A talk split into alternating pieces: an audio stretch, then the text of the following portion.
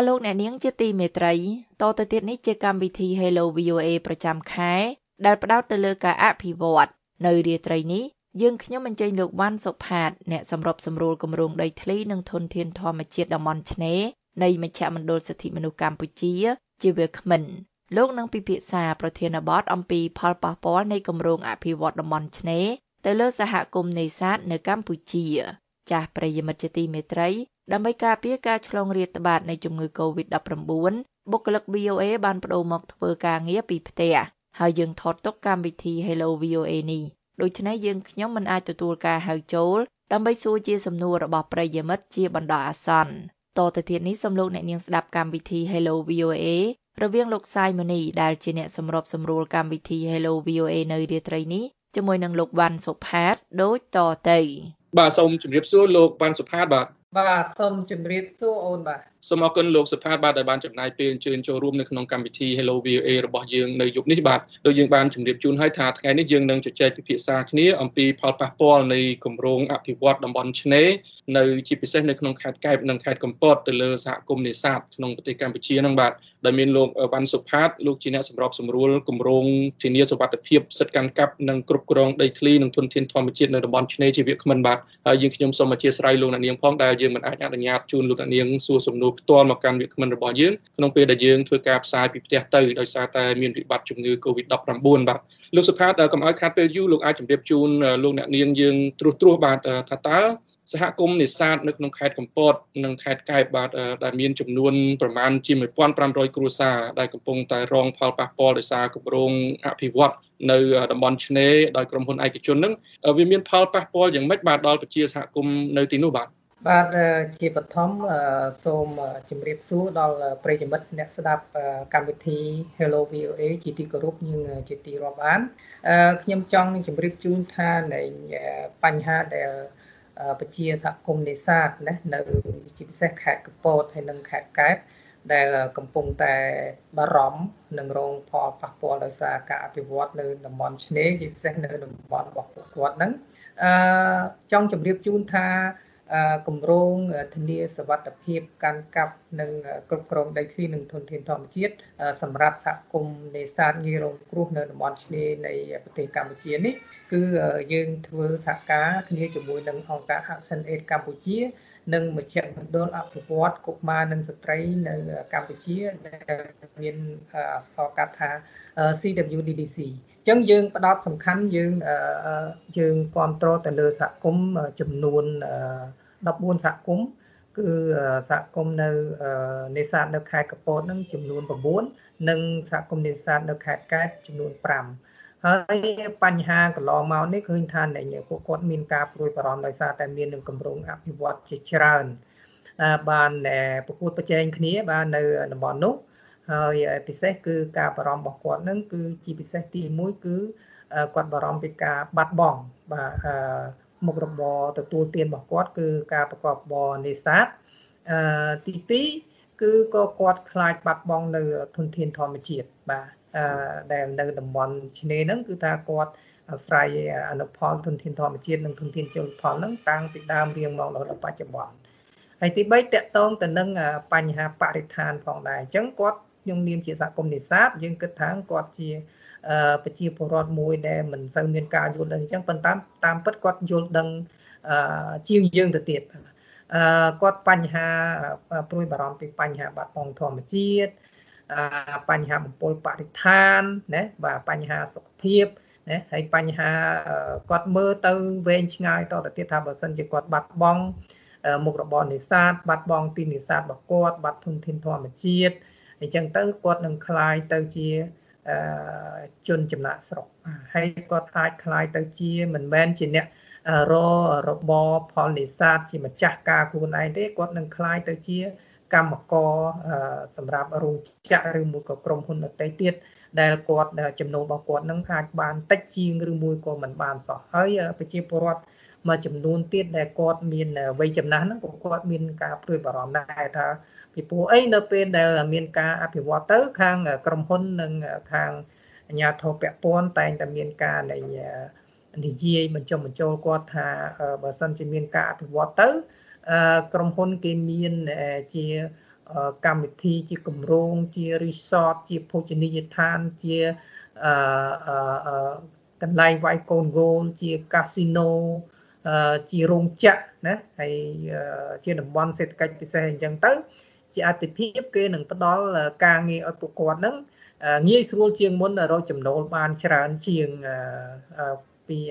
មុខរបរនេសាទរបស់គាត់ប៉ុន្តែតាមពិតទៅពួកគាត់មានការយល់ដឹងអញ្ចឹងគាត់ថាมันអាចទៅជាអញ្ចឹងបានទេពីព្រោះទី1គាត់ថាបើសិនជា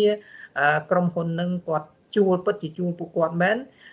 អឺយ៉ាងច្រើនណាស់គាត់ ជួលពួកគាត់ទៅធ្វើជាកម្មករទេមិនមែនទៅជា manager ជាអ្នកគ្រប់គ្រងដែលរកចំណូលបានពោះព្រោះទី1គឺពួកគាត់មិនមែនជាអ្នកចេះដឹងពងខ្ពស់អីទេអញ្ចឹងការដែលជ្រើសរើសដែលមានចំណូលខ្ពស់ជាអ្នកគ្រប់គ្រងជាអ្នកមានតំណែងគ្រាន់បើមានចំណូលគ្រាន់បើហ្នឹងវាតតែ មានការនៃអប់រំខ្ពស់ណាបាទមានឋានៈបញ្ញាបត្រអីឡើងអញ្ចឹងទៅហើយទី2ទៀតប្រជាពលរដ្ឋដែលចាស់ចាស់ ដែលគាត់មានវ័យចំណាស់អញ្ចឹងនៅពេលណាដែលធម្មតាគាត់អាយុពី50 60អីឡើងទៅអឺរហូតដល់65ឆ្នាំមានខ្លះដល់70ឆ្នាំអញ្ចឹងគាត់នៅមមទាំអាចណែនៅតែបន្តមុខរបរនេសាទរបស់គាត់ពួកគាត់បានប៉ុន្តែបើសិនជាធ្វើជាកម្មហបមកគេរបស់ក្រុមហ៊ុនអញ្ចឹងគេច្បាស់ជាមិនទទួលពួកគាត់ទេហើយជាពិសេសស្ត្រីទៀតផងណាក៏គាត់មានការព្រួយបារម្ភដែរគាត់ថាស្ត្រីធម្មតា គាត់ធ្វើការនៅមានកម្រិតនៅឡើយហើយអញ្ចឹងប្រាក់ចំណូលនឹងបើសិនជាទៅជាកម្មករគេក៏មិនបានស្មើនឹងបរិះដែរនឹងជាការព្រួយបារម្ភរបស់គាត់បាទបាទលោកលើកឡើងចំណុចហ្នឹងធម្មតាការអភិវឌ្ឍដោយរដ្ឋាភិបាលតែងតែលើកឡើងកន្លងមកតែងតែមានការប៉ះពាល់ទោះតិចឬច្រើនជាមិនរួចទេទាំងបរិស្ថានក្តីឬក៏សង្គមឬក៏សហគមន៍ក្តីហ្នឹងបាទ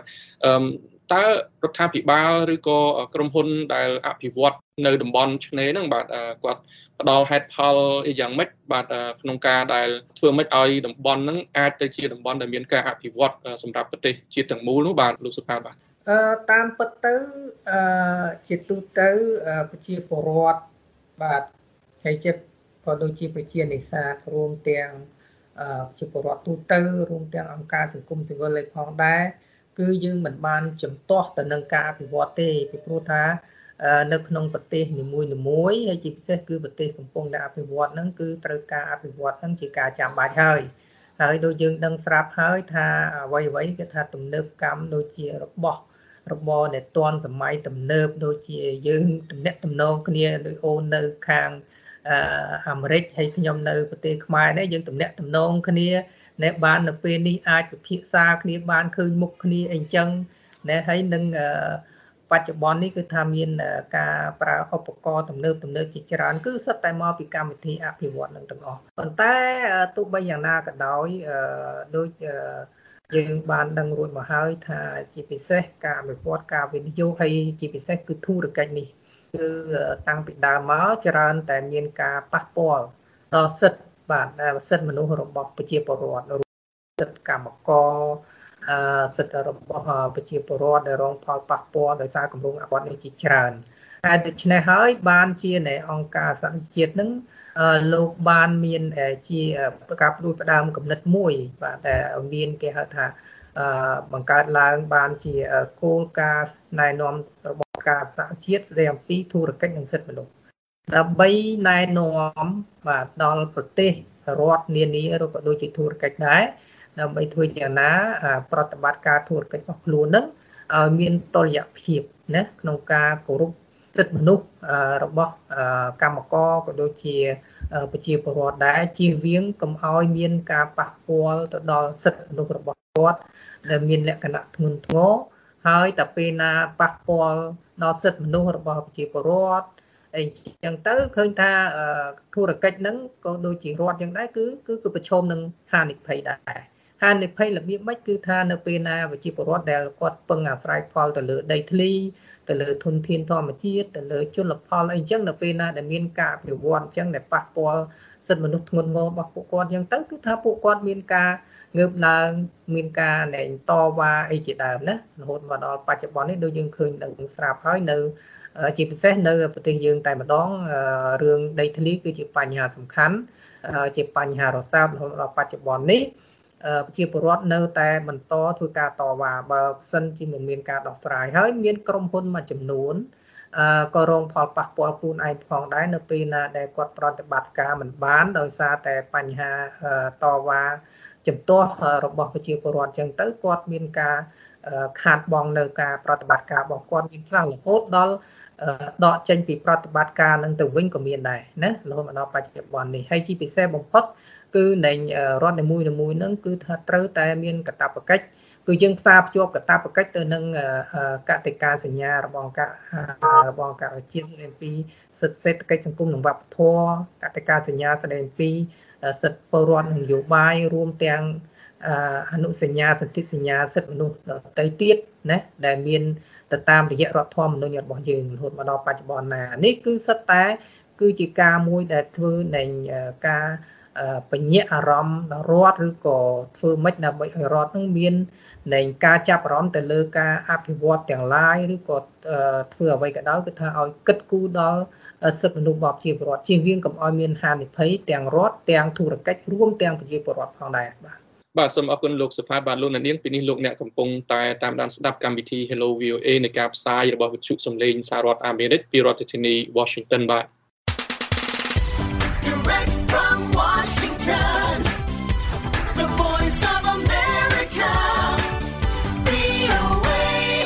បាទពេលនេះយើងកំពុងតែជជែកពិភាក្សាគ្នាអំពីផលប៉ះពាល់នៃគម្រោងអភិវឌ្ឍតំបន់ឆ្នេរទៅលើសហគមន៍នេសាទក្នុងប្រទេសកម្ពុជាបាទ ដោយមានលោកវ៉ាន់សុផាតជាអ្នកសម្របសម្រួលគម្រោងធានាសុវត្ថិភាពសិទ្ធិកាន់កាប់និងគ្រប់គ្រងដីធ្លីនិងធនធានធម្មជាតិនៅតំបន់ឆ្នេរជីវៈខ្មិនបាទហើយជាថ្មីម្ដងទៀតខ្ញុំសូមអធិស្ឋានលោកអ្នកនាងដែលចាប់អារម្មណ៍ទាក់ទងនឹងប្រធានបទនេះហើយប៉ុន្តែមិនយើងមិនអាចជូនលោកអ្នកនាងនៅឱកាសដើម្បីសួរសំណួរមកកាន់វាគ្មិនរបស់យើងដោយផ្ទាល់បាន ដោយសារតែយើងខ្ញុំធ្វើការផ្សាយពីផ្ទះទៅក្នុងគ្រាដែលមានវិបត្តិជំងឺ Covid-19 បាទប៉ុន្តែនៅពេលដែលយើងមានលទ្ធភាពអាចអនុញ្ញាតជូនលោកអ្នកនាងសួរសំណួរឡើងវិញដោយផ្ទាល់បានយើងនឹងរីករាយស្វាគមន៍ទទួលសំណួររបស់លោកអ្នកនាងហើយនឹងឲ្យអនុញ្ញាតឲ្យវិក្កាមរបស់យើងឆ្លើយនៅក្នុងកម្មវិធីរបស់យើងក្រោយៗទៀតបាទលោកសុផាតអឺតកតងទៅនឹងផលប៉ះពាល់នេះរបាយការណ៍ដែលមជ្ឈមណ្ឌលសិទ្ធិមនុស្សកម្ពុជារបស់លោកបានចេញកន្លងមកហ្នឹងបង្ហាញថា ពលរដ្ឋឬក៏សហគមន៍មួយចំនួននៅក្នុងតំបន់ហ្នឹងតំបន់ដែលរងផលប៉ះពាល់ហ្នឹងលើកឡើងខ្លះថាពលរដ្ឋខ្លះក៏មានការយល់ស្របអនុញ្ញាតឲ្យមានគម្រោងនឹងដំណើរការទៅដែរគណៈពេលដែលពលរដ្ឋមួយចំនួនទៀតហ្នឹងមិនយល់ស្របហើយជំទាស់តើករណីនេះយ៉ាងម៉េចបាទលោកអាចជម្រាបជូនលោកអ្នកស្ដាប់យើងតើពលរដ្ឋភាគច្រើននៅតំបន់ហ្នឹងព្រមព្រៀងឬក៏ពេញចិត្តនឹងគម្រោងអភិវឌ្ឍន៍ហ្នឹងទេឬក៏ ផ្ទុយពីនឹងវិញបាទបាទនឹងចង់ជម្រាបជូនផងដែរគឺថានៃការសិក្សាស្រាវជ្រាវរបស់នៃគម្រោងរបស់ចំនួនសំណុំកម្ពុជាដែលយើងចោះទៅនេះគឺយើងផ្ដោតទៅលើបញ្ហាជាក់លាក់ទៅលើករណីជាក់លាក់គឺជាពិសេសគឺប្រជាពលរដ្ឋសហគមន៍នេសាទនៅគេហៅថាសហគមន៍តពាំងរពៅហើយនឹងភូមិព្រៃក្រែងហើយនឹងសហគមន៍នេសាទព្រៃថ្នោតនៅឃុំព្រៃថ្នោតស្រុកទឹកឈូខេត្តកំពតអញ្ចឹងយើងផ្ដោតទៅលើតែពីសហគមន៍នឹងទេនេះជាជំហានដំបូងនៃការសិក្សាស្រាវជ្រាវរបស់យើងក្នុងចំណោមសហគមន៍ទាំង14នៅខេត្តកំពតហើយនិងខេត្តកែបនឹងអញ្ចឹងយើងផ្ដោតសំខាន់ទៅលើសហគមន៍ពីរនេះដែលគាត់កំពុងតែប្រឈមនឹងរងផលប៉ះពាល់ដោយសារតែគម្រោងអភិវឌ្ឍមួយគេហៅថាជាក្រុមហ៊ុនឯកជនមួយហៅថាក្រុមហ៊ុនជីនកអាហារ៉ុននេះហារ៉ុននិងសំណង់ បាទអញ្ចឹងតែកន្លងមកនេះឃើញថាមានភាពចម្រូងចម្រាសរវាងគម្រោងអភិវឌ្ឍនឹងជាមួយនឹងប្រជាពលរដ្ឋទាំងដែលពីសហគមន៍នឹងដែលសរុបទៅមានជាង1000គ្រួសារមានជាង1400គ្រួសារហើយនៅក្រុមហ៊ុននេះគឺមានគម្រោងចាក់ដីបូមដីចាក់ទៅលើផ្ទៃសមុទ្រហ្នឹងចំនួន640ហិកតា ហើយដែលចាប់ផ្ដើមស្នើសុំណាទៅខាងនៃស្ថាប័នដែលពាក់ព័ន្ធហ្នឹងមានសមត្ថកិច្ចក៏ដូចជារដ្ឋាភិបាលហ្នឹងតាំងពីឆ្នាំ2012រហូតមកដល់បច្ចុប្បន្នក៏ប៉ុន្តែអឺយើងកត់សម្គាល់ឃើញថានៅពេលណាដែលយើងជួបសម្ភារជាមួយប្រជាពលរដ្ឋទៅអឺគាត់បានផ្ដល់ព័ត៌មានថាចាប់តាំងពីមានក្រុមហ៊ុននឹងមកគឺថាក្រុមហ៊ុននឹងគឺបានចុះ ទៅដាក់រាយពងអីអីនៅក្នុងសមុទ្រអីចឹងដើម្បីកំណត់ពីព្រំប្រទល់របស់ក្រុមហ៊ុនដី640ហិកតាហ្នឹងប៉ុន្តែมันបានជោគជ័យទេដោយសារតែការដាក់ពង្រាយពងជាធ្វើជានៃខណ្ឌសេមាអីចឹងទៅ មានការជំទាស់ពីប្រជាពលរដ្ឋហើយក៏ នៃមានការបាត់បង់ពងនឹងទៅវិញដោយសារតែយើងមិនដឹងថាអ្នកណាទេតែជាក់ស្ដែងឥឡូវនេះអត់មានទេបាទអញ្ចឹងឃើញថាប្រតិបត្តិការរបស់គាត់នឹងគឺថាមិនទាន់អាចប្រតិបត្តិការបាននៅឡើយទេដោយសារតែមានការជំទាស់ហើយពាក់ព័ន្ធទៅនឹងថាតើប្រជាពលរដ្ឋមានប្រជាពលរដ្ឋខ្លះព្រមយល់ព្រមនឹងគម្រោងអភិវឌ្ឍរបស់ពួកគាត់នឹងហើយខ្លះក៏មិនយល់ព្រមកន្លែងហ្នឹងពេលដែលខ្ញុំចុះទៅជួបគាត់ផ្ទាល់គឺថាប្រជាពលរដ្ឋទាំងអស់ គឺមានភេតិចណាស់ដែលយល់ព្រមប៉ុន្តែអ្នកដែលយល់ព្រមនោះគឺមិនមែនដែលប្រជាពលរដ្ឋដែលជានេសាទនៅในសហគមន៍នេសាទនឹងតែម្ដងទេគឺសិតតែប្រជាពលរដ្ឋមួយចំនួនណាដែលមិនមែនជាអ្នកនៅក្នុងសហគមន៍នេសាទនឹងទេអញ្ចឹងសរុបសេចក្តីមកឃើញថាពួកគាត់ទាំងអស់ហ្នឹងទាំងអស់ហ្នឹងទាំងពីសហគមន៍ហ្នឹងគឺមិនបានយល់ព្រមទៅនឹងគម្រោងអភិវឌ្ឍហ្នឹងទេអឺយើងមើលឃើញថាកាលពីឆ្នាំ2016 អឺមានការណែតវ៉ាពីប្រជាពលរដ្ឋហើយគាត់ពេលនោះគឺថាគាត់មាននៃសកម្មភាពផុសផុលក្នុងការនៃផ្ដល់ព័ត៌មានទៅឲ្យសាធារណជនក៏ដូចជាសារព័ត៌មាននានាថាក្រុមហ៊ុនជីងក័រហ្នឹងបាននៃរៀបចំបូមដីចាក់ទៅក្នុងដែងសមុទ្រដែលជាទីនេសាទរបស់ពួកគាត់ហើយអញ្ចឹងមកហើយមានការជជែកតវ៉ាគ្នាជាច្រើនរហូតដល់មានការនៃចេញសេចក្តី ប្រកាសមួយពីអាជ្ញាធរខេត្តពីនៃខេត្តកពតហ្នឹង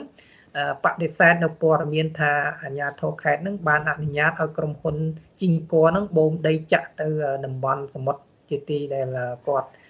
ជាគម្រោងអភិវឌ្ឍរបស់គាត់ហ្នឹងអញ្ចឹងខាងនៃសាលាខេត្តអាជ្ញាធរខេត្តគឺបានបដិសេធ ហើយ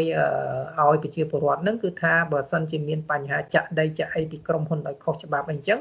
ឲ្យមានការរីកាទៅអាជ្ញាធរតាមលំដាប់ថ្នាក់អីចឹងអញ្ចឹងហើយជាបន្តមកទៀតមកឃើញថាយើងឃើញថាក្រុមហ៊ុនហ្នឹងអឺ មានការព្យាយាមបាទដោយបើកជាវេទិកាសាធារណៈបើកជាការប្រជុំផ្សេងផ្សេងដោយអញ្ជើញតំណាងប្រជាពលរដ្ឋសហគមន៍នេសាទហើយនិងសហគមន៍នេសាទហ្នឹងទៅដើម្បីបញ្ចុះបញ្ចូលឲ្យមានការគ្រប់គ្រង ទៅសហដែនប្រតិបត្តិការរបស់គាត់ហ្នឹងក៏ប៉ុន្តែប្រជាពលរដ្ឋទាំងអស់ហ្នឹងនៅតែមិនយល់ព្រមរហូតដល់មានការធានាថាមានការអភិវឌ្ឍទៅនឹងមានការជួលគាត់ណែពួកគាត់ជាអតិភិបក្នុងការធ្វើជាអ្នកធ្វើការនៅក្នុងរោងចក្រអីអីអញ្ចឹងរួចហើយមាន ការអន្តងឲ្យមានការដោះដូរថាបើសិនជាបើអឺ ដោះស្រាយមិនចាញ់ទេសុំដោះដូរសុំឲ្យនៃសហគមន៍នេសាទហ្នឹងរំកិលទីនេសាទរបស់គាត់ហ្នឹងពីកន្លែងដើមហ្នឹងទៅកន្លែងណាផ្សេងពេញដើម្បីឲ្យនៃក្រុមហ៊ុនហ្នឹងបាននៃធ្វើការអភិវឌ្ឍនៅតំបន់ហ្នឹងហើយក៏មានព័ត៌មានលេចលឺដែរមិនមែនលេចលឺទេគឺថាជាជារឿងពិតដែលប្រជាពលរដ្ឋបានប្រាប់មកខាងមជ្ឈមណ្ឌលសិទ្ធិមនុស្សកម្ពុជាក្រមការងាររបស់យើងហ្នឹងថានៅក្នុងការដែលទៅប្រជុំហ្នឹងគឺថា មានការចុះឈ្មោះបាទចុះឈ្មោះជាអ្នកចូលរួមអីចឹងទៅហើយមានការផ្ដល់ជាថវិកាអីខ្លះអញ្ចឹងក្នុងពេលដែលចូលរួមហើយហើយបន្ទាប់មកគឺថាបានតែជាជាផោះតាងដូចជាផោះតាងមួយហ្នឹងសម្រាប់ទៅប្រាប់អាជ្ញាធរឬមួយក៏ស្ថាប័នពាក់ព័ន្ធហ្នឹងថាប្រជាពលរដ្ឋហ្នឹងមានការគ្រប់គ្រងណាទៅគម្រោងអភិវឌ្ឍហ្នឹងតែរឿងហ្នឹងគឺរឿងមិនពិតទេសរុបសេចក្តីមកគឺប្រជាពលរដ្ឋ ចូលវេទិកាសាធារណៈឬការប្រជុំជាច្រើនដងតាំងពីឆ្នាំ2019 2020គឺថាអញ្ចឹងប្រជាពលរដ្ឋគាត់អត់មានការយល់ព្រមទេប៉ុន្តែព័ត៌មានហ្នឹងខុសប្លែកពីនៃអាញាធរមួយចំនួនដែលខ្ញុំបានជួប លោកបានប្រាប់ថានៃមានប្រជាពលរដ្ឋមួយចំនួនមានការយល់ព្រមភាគច្រើនមានការយល់ព្រមហើយមានតែភាគតិចប៉ុណ្ណោះនៅសហគមន៍តពាំងរពៅហ្នឹងដូចជាមិនយល់ព្រមអញ្ចឹងប៉ុន្តែព័ត៌មានហ្នឹងយើងយកទៅផ្ទៀងផ្ទាត់ជាមួយប្រជាពលរដ្ឋទៅគឺថាវាជារឿងមួយដែលព័ត៌មានផ្ទុយគ្នាដែលយើងជួបប្រជាពលរដ្ឋផ្ទាល់គឺថាគាត់អត់បានយល់ព្រមទេគាត់ថាបើសិនជាចង់ក្រុមហ៊ុនចង់អភិវឌ្ឍយ៉ាងម៉េចគឺថាគាត់អត់ដោទេគាត់មិនដែលលើក ទីនេសាទរបស់គាត់ឬលើកព្រៃកោងកាងរបស់គាត់ឬធនធានធម្មជាតិរបស់គាត់ឬភូមិរបស់គាត់នឹងទៅនៅកដាលសមុទ្របានទេអញ្ចឹងក្រុមហ៊ុនដែលមកដែលមិនទាន់មានអីសោះហ្នឹងអញ្ចឹងបើសិនជាខ្លួនឯងចង់អភិវឌ្ឍគួរតែរកទីកន្លែងណាដែលជៀសវាងកុំឲ្យប៉ះពាល់ដល់តំបន់នេសាទរបស់ពួកគាត់បាទសូមអរគុណលោកសុផាតបាទលោកនាងពីនេះលោកអ្នកកំពុងតែតាមដានស្ដាប់កម្មវិធី Hello VOA នៃការផ្សាយរបស់វិទ្យុសំឡេងសហរដ្ឋអាមេរិកពីរដ្ឋធានី Washington បាទ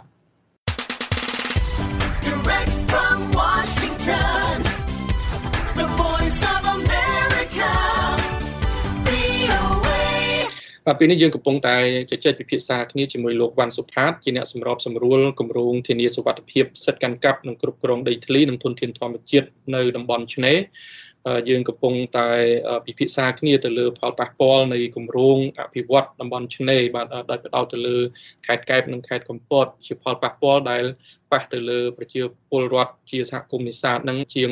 1000គ្រួសារបាទនៅទីនោះបាទអឺ លោកសុផាតដោយសារម៉ោងយើងកាន់តែគិតមែនតើខ្ញុំមានសំណួរចុងក្រោយមួយសម្រាប់លោកលោកអឺការអភិវឌ្ឍកន្លងមកហ្នឹងបាទយើងឮគឺមាន